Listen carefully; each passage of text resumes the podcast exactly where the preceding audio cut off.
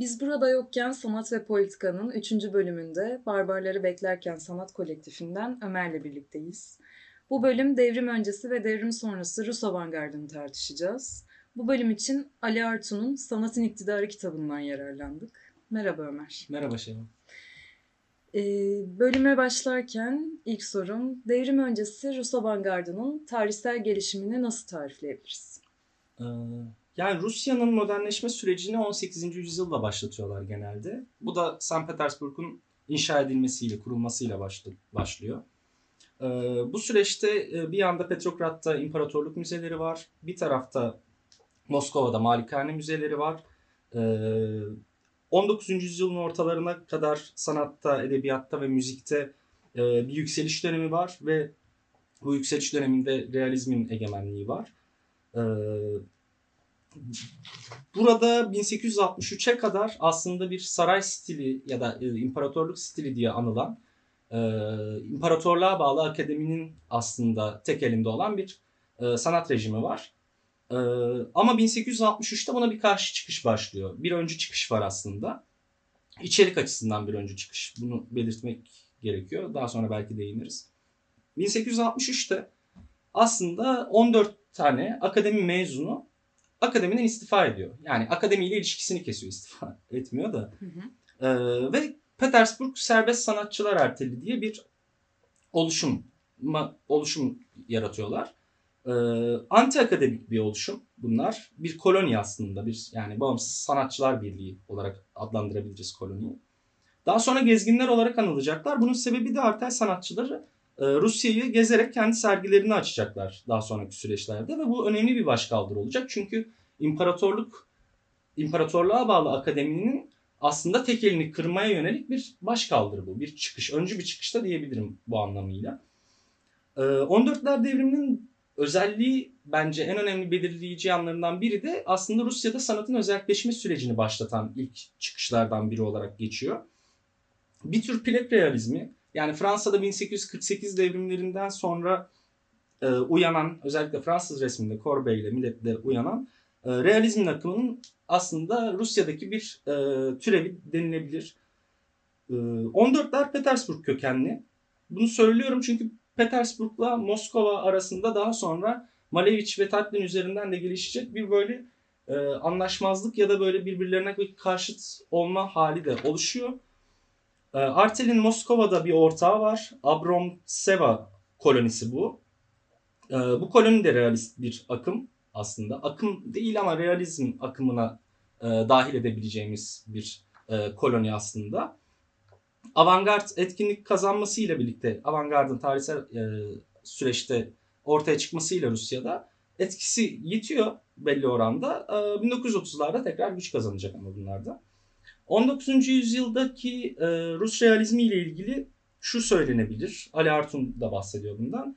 Yani bütün radikal söylemine rağmen aslında akademinin klasik e, mimetik, mimetik klasizminden esas olarak içeriği ve resmettiği e, konular bakımından ayrılıyor ama aslında biçimsel olarak hala e, saray ve kiliseden özelleşmesine rağmen biçimsel anlamda, estetik anlamda hala akademik geleneğe bağlılığı var. Yani yeni bir şey söylüyor ama bunu eski formlarla ifade ediyor denilebilir. Eski bir biçimle ifade edilebilir. Rus avantgardının ortaya çıkışı da aslında 19. yüzyılın sonunda bu Rus realizmine karşı tepki olarak doğuyor ve bunun en öncü çıkışı yapanı da aslında yine bir koloni olan sanat dünyası kolonisi. Artal gibi bunlar da bir sanatçı aydın kolektifi fakat realistlere karşı bir kolektif koloni olarak ortaya çıkıyorlar ve aslında Rus avantgardını e, yolunu açan, öncü çıkışı yapan ekip sanat dünyası kolonisi denilebilir. Rus avantgardı ve Batı avantgardını kıyasladığımızda arasındaki benzerlik ve farklılıklar nelerdir?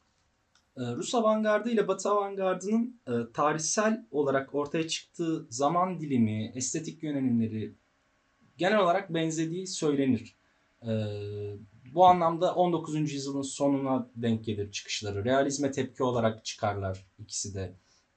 Ee, onun dışında sembolizm ara geçiş aşaması olarak önemli bir yerde durur.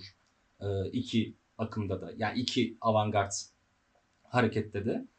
E, ama onun dışında Rusya'daki avantgard hareketin en önemli ayırt edici noktası e, örgütlenme biçimi. Bunlar başından itibaren itibaren kolektivist yapılar. Hı hı. E, koloniler halinde örgütleniyorlar. E, içinde sanatçıların, aydınların olduğu koloniler bunlar. E, bu örgütlenme biçimi aslında Rusya'da e, özelleşme sürecini de e, öncüsü oluyor. Yani özelleşme süreci batıdaki gibi bir sanat piyasasının ortaya çıkmasıyla değil de Rus avantgardının koloniler şeklinde örgütlenmesiyle aslında ortaya çıkıyor. Çünkü Rusya'da bir sanat piyasası, gelişkin bir sanat piyasası yok. Burada özellik aslında koloniler dediğimiz şey aslında bağımsız sanatçı örgütleri. E, sanat bir şeyleri, e, kolektifleri ve bu aslında özelleşme sürecinde e, bu kolonilerin çok büyük bir rol aldığını gösteriyor. Bir sanat piyasası dolayımıyla değil e, buradaki özelleşme süreci. Onun dışında dediğim gibi estetik açıdan benzerlikleri var. Yönelimleri, e, sembolizmden etkilenmeleri, sembolizmin bir geçiş sürecinde e, onlara eşlik etmeleri. Bu tarz şeylerde benzerlikleri var. Ama Rus avantgardının belli karakteristik özellikleri de var. Örgütlenme biçimini zaten söylemiştik.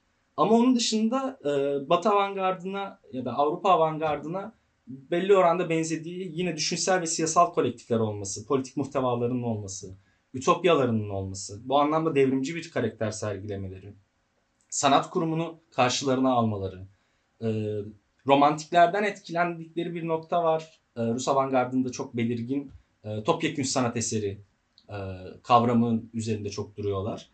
E, ki Wagner'in operada yapmaya çalıştığı şey budur aslında bir oranda. Ve bu anlamıyla aslında sanatla hayat arasındaki sınırı ortadan kaldırırken sanatlar arasındaki sınırı da ortadan kaldırma gibi bir aslında refleksleri var. Topyekün sanat eseri kavramını, e, topyekün sanat eseri idealinin peşinde koşarlarken. E, Rus avantgardı onun dışında e, kendi sergilerini açarak e, aslında sanatla hayat arasındaki sınırı devrim öncesinde de kırmaya yani bu sınırı ortadan kaldırma girişimleri var.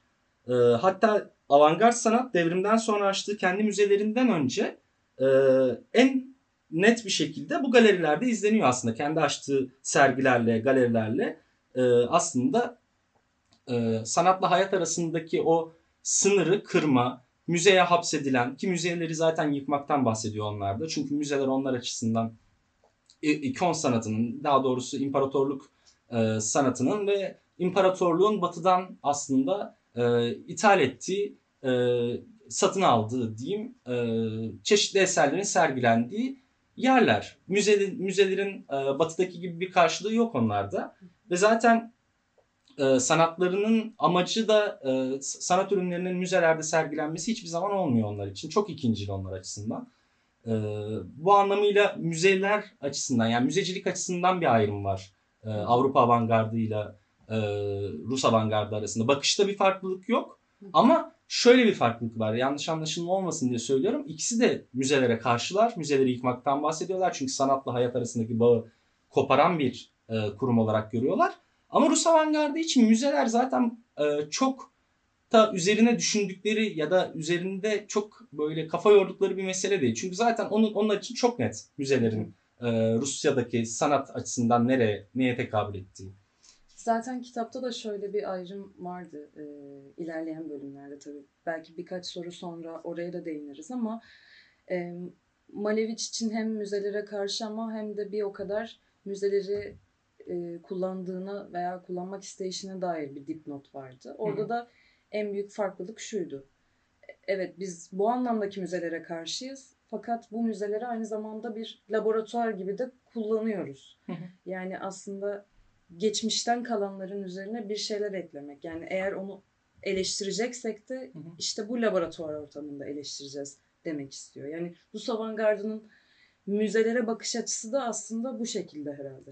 Evet yani aslında bu anlamda Rus avantgardı ile Avrupa avantgardı arasında çok bir fark yok. Hı. Sadece söylemeye çalıştığım şey müzecilik e, müzeciliğin gelişimi, müzelerin e, tarihsel gelişimi e, Avrupa'da farklı e, fakat şeyde farklı. Rusya'da gelişimi farklı. Bu anlamda zaten Rus avantgardı için e, müzeler e, baştan yıkılması gereken çünkü zaten sanatla hayatı en temelde koparan ya saray e, imparatorluk sanatını temsil eden yerler olarak görülüyor ya da Avrupa'dan e, getirilmiş sanat ürünlerinin sergilendiği ve hani sanatı aslında bir dört duvar arasında e, sokan, yalıtan, yıkılması gereken kurumlar. Bu anlamda aslında bahsetmiştim.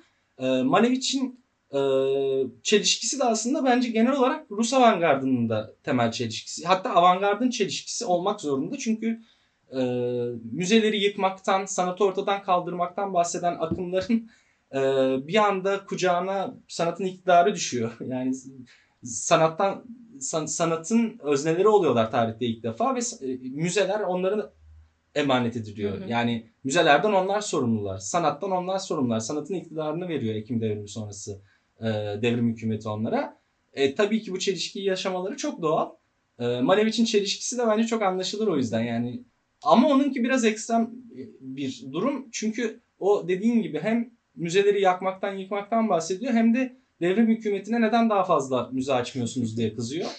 Onun durumu biraz daha çelişkili diğerlerine göre. Çünkü onlar en azından e, konstruktivistlerde ya da işte Tatlin, e, Kandinsky vesaire onlar en azından hani müzeciliğin eleştirisi yani müzenin eleştirisini yapmak için müzelerden yararlanma ya da müzeleri e, bir deney lab, e, bir laboratuvara çevirme ya da kamusal e, alana açma ve müzeler üzerinde deneyseli hakim kılma gibi e, yeni bir strateji geliştiriyorlar. Çünkü e, yani müzeleri yıkmak müze yani sanatın iktidarını almadan önce söylem olarak belki kolay ama devrim sonrası sanattan siz sorumluysanız artık sanatın gerçek özneleri sizseniz ve elinizde muazzam bir birikim varsa müzeye dair e, burada bir çelişkiye düşmeniz çok normal ama bence e, anlaşılır bir şey. Yani müzenin eleştirisini müzeler aracılığıyla e, vermek, e, müzeciliği bir sorunsal haline getirmek ya da müzeyi sorunsal haline getirmek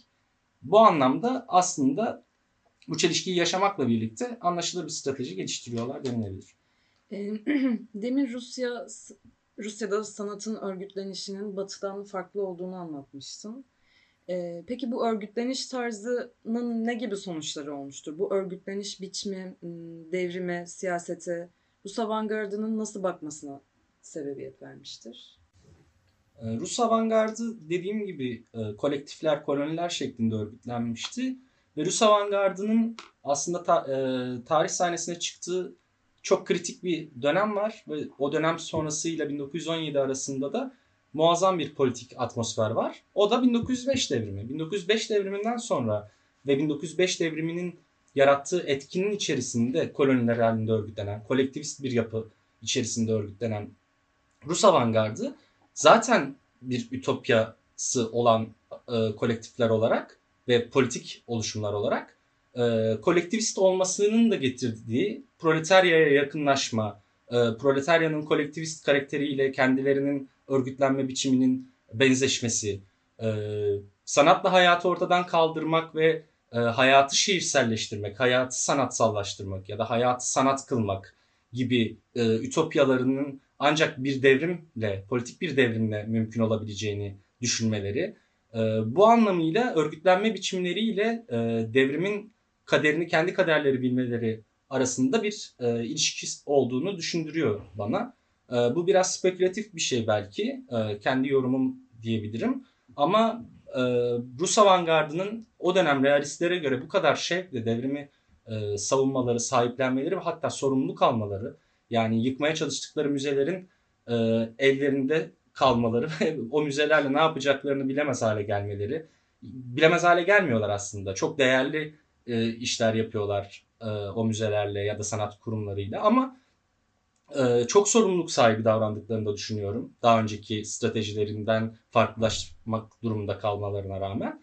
E, bu anlamıyla evet kolektivist karakterleri e, yeni doğan devrimle 1917 Ekim devrimiyle bir proletarya devrimiyle aslında o proletaryanın kolektivist karakteriyle benzeşmeleri doğrultusunda bir ortaklık içeriyor. Ee, 1905 sonrası politik atmosferin e, şekillendirdiği kolektifler bunlar. Hücre tipi örgütleniyorlar hatta bazıları hücreler halinde örgütleniyorlar. Ee, bu anlamıyla böyle bir ilişki kurulabilir belki. Belki de kurulamaz. Tamamen benim yorumum. Rus avantgardının birçok alanda çalışma aldığını, e, sanatın birçok kolundan gelişime açık olduğunu biliyoruz. Fakat tiyatro ve mimari bunların başını çekiyor.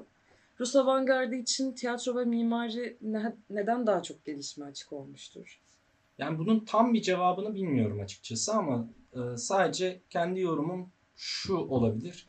E, tiyatro ve özellikle mimari çok kamusal alanlar. Yani bir, çok kamuya açık alanlar. E, avantgardın stratejisi açısından da sanatla hayat arasındaki sınırı ortadan kaldırma stratejisi açısından da e, ikisi iki alanda e, sanatı hayat kılma, hayat sanatla iç içe geçirme noktasında çok e, elverişli alanlar. Ama tiyatro için zaten e, Rus modernizminin ve avantgardının hakiki sahnesi denir. Hatta bu anlamda müzenin adı bile anılmaz denir. E, ki Ali Artun'un kitabında da bu geçiyor, bu şekilde söylüyor. E, mimari özellikle şu anlamda da yani hem kamusal bir alan, yani kamuya çok açık bir alan. İlk söylediğim nokta üzerinden söylüyorum ama ikinci olarak e, özellikle konstruktivistler hem üretim olarak sanat anlayışları doğrultusunda hem de yeni kurulan bir düzen, yeni kurul inşa edilmeye çalışılan bir sosyalist e, ülke var. Ortada bir yapı var ve bu yapının şekillendirilmesinde mimari çok kritik bir yerde duruyor.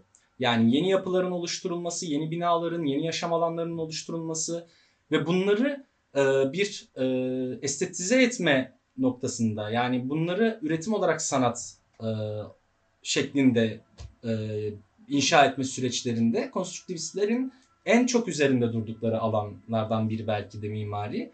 E, dediğim gibi hani bu iki sebepten dolayı olabileceğini düşünüyorum yani. Bir kamusal alana çok açık olmaları, tiyatronun zaten Rus sanatında, Rusya sanatında çok önemli bir e, çıkış noktası olması var. Ama mimarinin de devrim sonrası çok buna elverişli bir alan olma e, durumu var. Bundan dolayı olabilir. Yani çok net bir cevabım yok. Yani tiyatronun aynı zamanda hem bir sahne tasarımı hem oynanan oyunlarıyla birlikte e, o noktada halkın katılımı da mühim. E, mimarinin de hem senin dediğin gibi daha çok kamuya açık bir alan hem de aslında belki de yapılacak propagandayı herkese gösterme amacıyla da Evet öyle bir şey var bu arada. Yani iyi, iyi hatırlattın. Yani propaganda gemileri yapıyorlar. evet tam Ee, ondan bahsedecektim. yani Bu kitapta da hatta evet evet. o geminin bir fotoğrafı vardı. Evet. geldi. Yani propaganda amaçlı da mimariyi kullanıyorlar. Yani agitprop Hı hı. ürünler olarak da görüyorlar bunu. Ama bir de bir yandan da işte çok kamusal, kamuya açık bir alan olması, çok hayatın aslında merkezini oluşturan mekanlar olması, mekanın inşası süreci olması bu anlamıyla da mimarinin çok ön plana çıkmasını sağlamış olabilir. Tiyatroda da dediğin şeylere katılıyorum bu arada. Aynı zamanda bu e, işte makineleşmenin, e, endüstriyel gelişmenin, işte bilimsel bazı şeylerin gelişmesini de e, mimariyle birlikte örneklerini sunuyorlar. Ya bazen e, bazıları hayata geçmiyor. Birer maket olarak kalıyorlar ama Taklid. işte Takli'nin Evet. anıtı gibi. E, keza o anıtta da e, o anıta dair işte m, farklı noktalardan yorumları var. İşte aslında yapılmış olsaydı anıtın e, bir kısmı işte bir yıl boyunca bir tam tur döndüğü, bir ay boyunca diğer katının döndüğü, Bir bir üst katının boyunca. başka biçimde Evet. döndüğü, üstünde işte başka mekanizmaların oynadığı. Aslında hareketli bir anıt. aslında yapılmış olsaydı belki de çok güzel, harika bir şey ortaya çıkabilirdi. Yani ama- zaten onu hani Eyfel Kulesi'nin karşıtı olarak Hı hı. düşünüyorlar o dönem. Yani Eyfel Kulesi kapitalizmi, kapitalist moderniteyi temsil ediyor orada. Ama Tatmin Kulesi sosyalizmi, sosyalist inşayı e, temsil edecekti. Yapılabilseydi. Maket Evet. olarak kaldı ne yazık ki. Demin Tatlin'den daha öncesinde de biraz Maleviç'ten söz ettik. Aklıma şey geldi. Bu e, Maleviç ve Tatlin arasında bir müze açılışında bir gerginlik yaşanıyor. Hatta Ali Artun'un Sanatın İktidarı kitabında da e, söylendiğine göre bu müzede yani yumruk yumruğa bile e, geliyorlar. Karşı karşıya geliyorlar bu anlamda. E, Maleviç ve Tatlin'in anlaşamadığı nokta tam olarak nedir? Yani neden kavgaya tutuşmuşlar değil de e, anlaşamadıkları asıl mesele nedir? Maleviç ile Tatlin arasındaki karşıtlık aslında e, süprematizmle konstruktivizm arasındaki farklılık ya da karşıtlık belli ölçüde. Ee, süprematistler yani Malevich e, için soyut, asıl gerçeği yani hakikati ifade eden evrensel bir ideal. Daha platoncu bir esinlenme var onda felsefi açıdan. Bir felsefe olarak da görüyor aslında sanatını Malevich. Ee, realizm Malevich'te soyuttur. Yani soyut da formdur onun için. Ee, yani form dediğimizde aslında bir nevi siyah karedir. Onun ünlü eseri siyah karedir. Ve siyah kare formun sıfır noktası olarak değerlendirilir. Kitapta da böyle ifade ediliyor. Ee, aslında Tatlin'le Malevich e, ya da bu iki akım, avantgard akım aslında aynı köklerden, aynı tarihsel süreçten e, besleniyorlar. Aynı tartışmaların içine doğuyorlar. E, fakat e, Tatlin e, Malevich'in tam zıttı bir noktaya belli bir oranda gidiyor. Buradan e, bir çıkış buluyor kendisine. E, bir karşıtlık olduğunu da söylemek mümkün aslında. Çünkü yani her birini etkileyen aslında o dönemki yapısalcılık, sembolizm, primitivizm, e, sezanizm çok önemserler. E, ya da kübizm e, çok ikisinin de çıkış noktasında çok önemli bir etkisi var. Kübizmin hatta küböfütürizm diye onlar anıyor. Yani birleştiriyorlar kübizmle fütürizmi. E, ve aslında form, soyut bu tartışmaların içinden aslında Tatlin e, Malevich'in tersi bir noktaya gidiyor. E, şöyle söylüyor aslında Ali Artun da söylüyor. E, Tatlin malzemelerin ikonografisiyle uğraşırken e, Malevich kavramların, idelerin ikonografisiyle uğraşır diyor. E, Tatlin için e, sanatın amacı en geniş anlamıyla hay- hayata form vermek estetikleştirilmiş malzemelerin hayatı dönüştürebilmesi. E, bu anlamıyla aslında bir malzeme kültürü var, bir tasarım kültürü var Tatlin'de. E, Tatlin daha somut e, malzemeyle, e, tasarımla e, ve maddeyle uğraşıyor, uğraşmanın derdinde. Üretim olarak sanat fikrine e, daha fazla kafa yoruyor. E, bu anlamda Malevich'le ayrıştıkları noktalardan biri Malevich'in e, aslında sanatı daha soyut, daha e, hatta e, formun sıfır noktasına kadar e, getirdiği siyah karesiyle birlikte çok e, soyut, çok kavramsal. E, Tatlin ise bir süre sonra e, giderek sanatını daha amaçsallaştırıyor. Yani sanatının amacı e, giderek hayatı şekillendirme, böyle agitprop diyebileceğimiz e, üretimleri de var aslında. E, bu anlamıyla e, şu söylenebilir. Malevich e, sanatında kozmik bir harmoniyi arıyor. Yani hatta kitapta da geçiyordu. Yani e, kozmik e, uyumu, armoniyi e, mad- maddi dünyada da yani gökyüzünden yeryüzüne aslında indirmeye, ideler dünyasından maddi dünyaya da e, sanatıyla o armoniyi yakalamaya çalışıyor. E, Tatlin ise sanatında mekanik bir armoni arıyor denir, denebilir. E, biri için ideal formlar yani Malevich için ideal formlar, ideler, kavramlar söz konusu. Diğeri için üretim araçları çok ön planda, makine çok ön planda Tatlin için.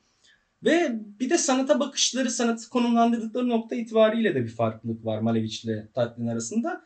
Malevich e, sanatın özelliğini e, çok uçlaştırarak savunan biri. E, ve onun için sanat, bilimin ve felsefenin çok ötesinde bir bilgi bölgesi aslında. Tatlin ise sanatın özelliğini yıkar, kabul etmez.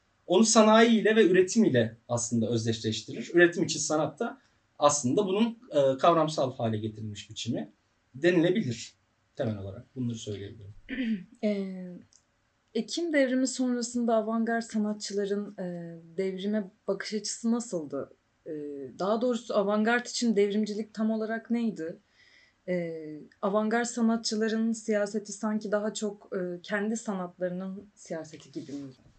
Ya önce şunu söylemek gerekiyor. Ekim devrimi sürecinde Rus avantgardlarının çok büyük bir kısmı, neredeyse hemen hemen hepsi devrimi çok büyük bir heyecanla karşılıyor ve devrim taraftarılar. Ee, bu anlamda bunu söylemek lazım. Yani çünkü sonrasında aksi bir söylem de geliştiriliyor özellikle 1930'larla birlikte. Ee, yani hain ilan edilmeye kadar gidiyor. Hani Rus avantgardının en önemli figürleri. Malevich, Kandinsky, e, Tatlin, Rodchenko vesaire. Yani bir karşı propaganda oluşturulmaya başlanıyor ama şunu da söylemek lazım ki bunu zaten Lunacharsky de söylüyor. Yani devrimi e, beklenenin aksine realistler çok temkinli karşılarken hatta e, şevkle değil e, ona karşı bir tutum alarak karşılarken realistlerin tavrının tam tersi olarak Rus avantgardı çok büyük bir şevkle karşılar devrimi ve devrim taraftarıdır ve devrim e, sürecinde de sorumluluk alırlar. Hani e, yani daha önce bahsettiğimiz konu aslında yani sanatın iktidarı kendilerine devredilir e, ve onlar da buna uygun bir şekilde e, bence gayet de sorumlu davranarak çok da muazzam bir e, üretim sürecinin içerisinde olurlar o süreçte. Çok deneysel işler yaparlar, proleter müzeleri kurarlar.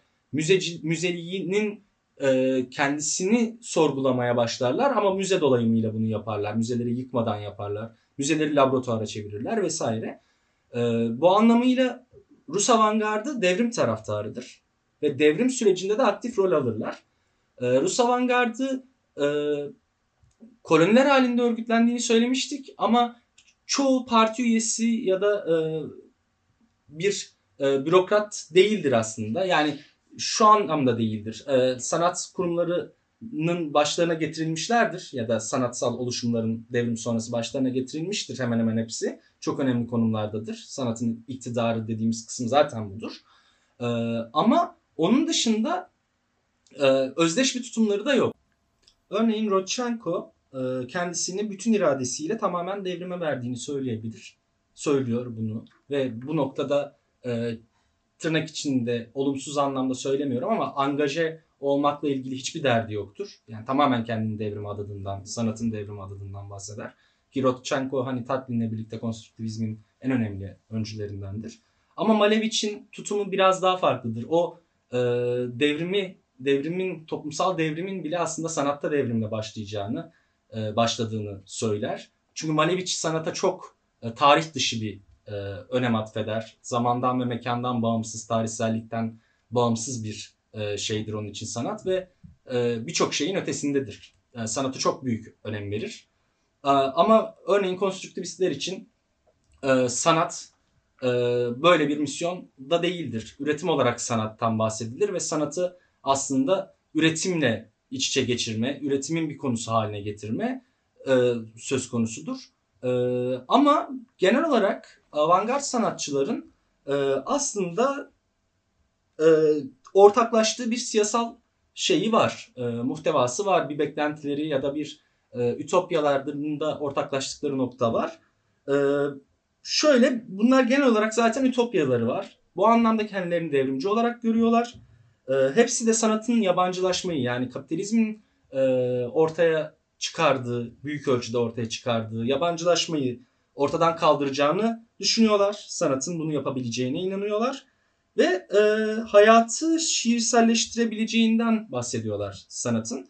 E, bu anlamıyla aslında onların e, ütopyaları, siyasetleri ya da sanatlarının siyaseti bu, bu noktada ortaklaştığı yer sanatla hayat arasındaki e, sınırın ortadan kalkması, hayatın şiirselleşmesi e, ve dediğim gibi her birinin aslında bu anlamda ortaklaştığı ütopyaları var. Fakat devrim sonrası e, devrime bakış ya da sanatla politika arasındaki ilişkiyi kavrayış noktasında özdeş bir tutumları yok. Yani Rodchenko'da var bir yanda, Tatlin'de var. Ama Malevich onlardan başka bir noktada duruyor. Yani onun sanat ve politika e, ilişkisini kurduğu yer başka. E, atıyorum Rodchenko'nunki başka ya da farklı farklı Kandinsky'nin başka diyebilirim. Ekim devrimi sanat ve sanatçılar için tarihte ilk kez özgür bir alan yaratmıştı. Ee, konstruktivistlerin prolet kültün yaratılması ve benzeri birçok farklı deneyim içinde özgür ve açık bir alan yaratılmıştı aslında. Ee, geçen bölüm sanatın özelliği konusunda tartışmıştık. Ee, peki Ekim devrimi sonrasında sanatın özelliğini nasıl yorumlayabiliriz? Yani aslında sanatın özelliği dediğimiz nokta prolet kültle birlikte tartışmaya açılabilir. Yani prolet kültün aslında ki e, devrim sonrası en fazla üyesi olan, en fazla takipçisi olan, en fazla şubesi olan e, kolu olan e, akım budur. Proletkültür. E, ve aslında proletkült e, o dönem Lenin normalde, Lenin de özellikle Troçki'de aslında birçok sanat akımına karşı e, eşit mesafede durma taraftarı. E, kendi e, sanat kendilerinin sanata dönük e, bir perspektifleri var. E, bu başka bir şey ama e, bu konuda özellik tanıyorlar aslında büyük oranda.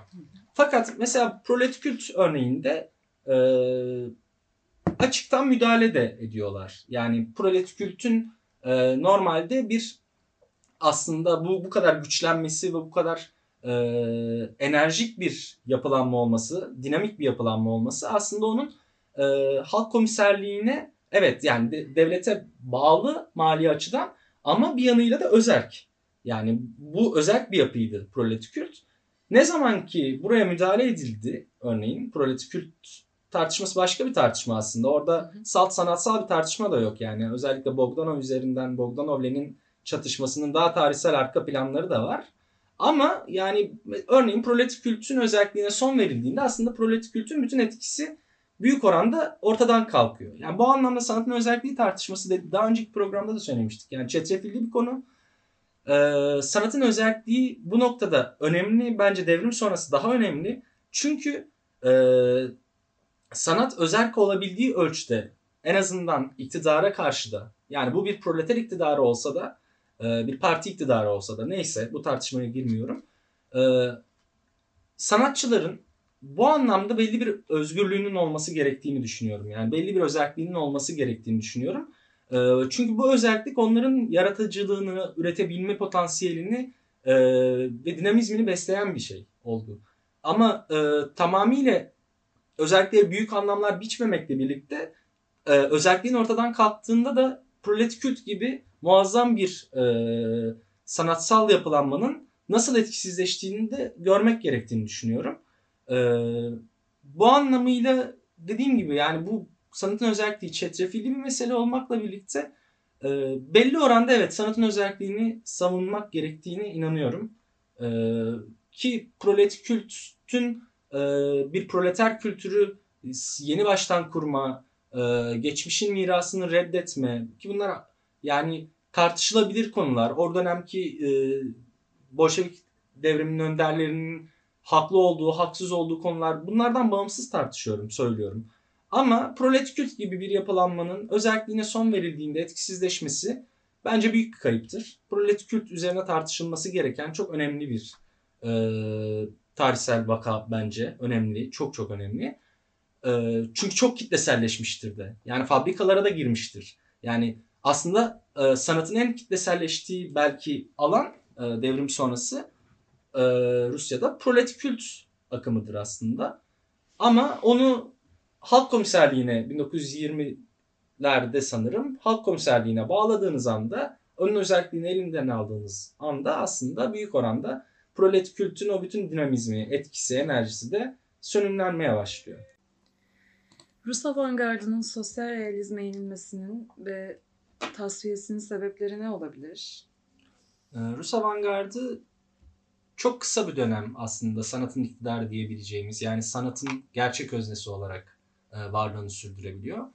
Daha sonrasında giderek e, güçten düşüyor. E, bunda özellikle o dönem hem devletin, devlet kurumunun oynadığı bir rol var. Onun dışında ama Lunacharsky'nin belirttiği bir e, faktör de var. Onu e, söylemek gerekiyor. E, Lunacharsky diyor ki devrimin eğittiği geniş halk sanattan her şeyden önce dikkate değer, kapsayıcı ve aynı zamanda net bir biçimde ifade edilen bir toplumsal içerik talep ediyordu. Oysa solcu sanatçılar, avantgard sanatçılar öncelikle formalisttiler. Gerçeklerin dilinden uzaklaşmışlar ve kitleler bakımından anlaşılmaz olmuşlardı. İkincisi ise burada kastettiği ikinci sebep ise realist sanatçılar arasında devrim yönünde kapsamlı bir gruplaşmaya dönüşen bir değişim başlamıştı. Ya burada şey kısmı ilk söylediğini çok önemsiyorum. Ee, yani o dönem ki toplumun sanattan bekle, beklentisiyle avantgard sanatçıların e, sundukları arasında bir açı farkı oluşuyor.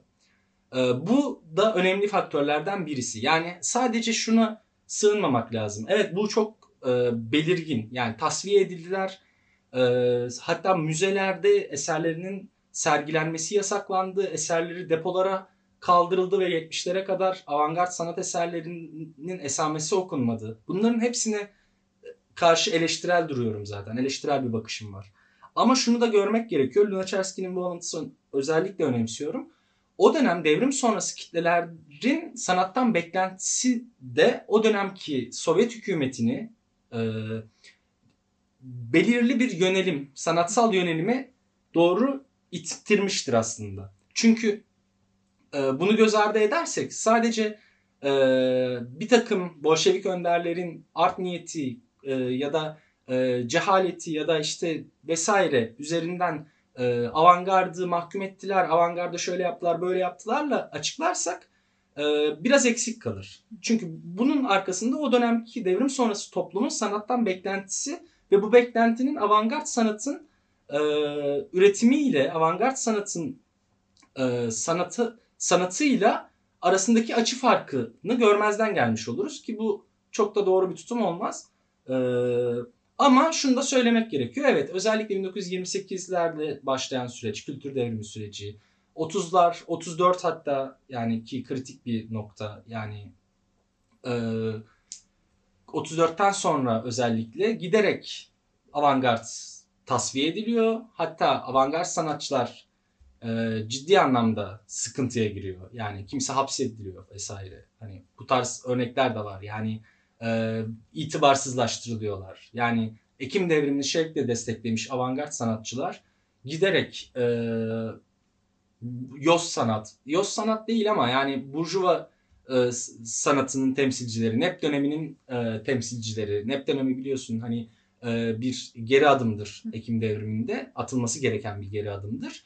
E, NEP döneminin e, o kapitalizme görece e, gelişimine, kapitalizmin gelişimine görece müsaade edildiği bir dönemin ürünü olarak değerlendirilme gibi bir e, durum ortaya çıktı. Yani bununla aslında hani kastedilen biraz da e, avantgardı küçümseyen, avantgardı burjuvazi ile, burjuva sanatı ile ilişkilendiren e, bir tutumdu. E, ve Rodchenko, Kandinsky, Malevich, Tatlin yani bu insanlar, bu sanatçılar, avantgard sanatçılar ki sorumluluk da almışlardır e, devrim döneminde. Yani e, çok değerli işler de yapmışlardır bence. Çok önemli çabaları vardır. E, ve bu, bu sanatçılar gözden düşürüldü, itibarsızlaştırıldı e, ve bir süre sonra dediğim gibi yani zaten müzelerde eserlerin sergilenmesi yasaklandı. E, daha kötü vakalar da var. Yani hani izole edildiği toplumdan e, hapsedildiği vesaire gibi konular da var ama oralara şimdi çok belki girmemek gerekiyor. E, belki bir sonraki tartışmada e, bunu yapabiliriz. Aslında Ömer'in de küçük bir girizgah yaptığı sosyalist gerçekçiliği konuştuğumuz bir sonraki bölümde görüşmek üzere.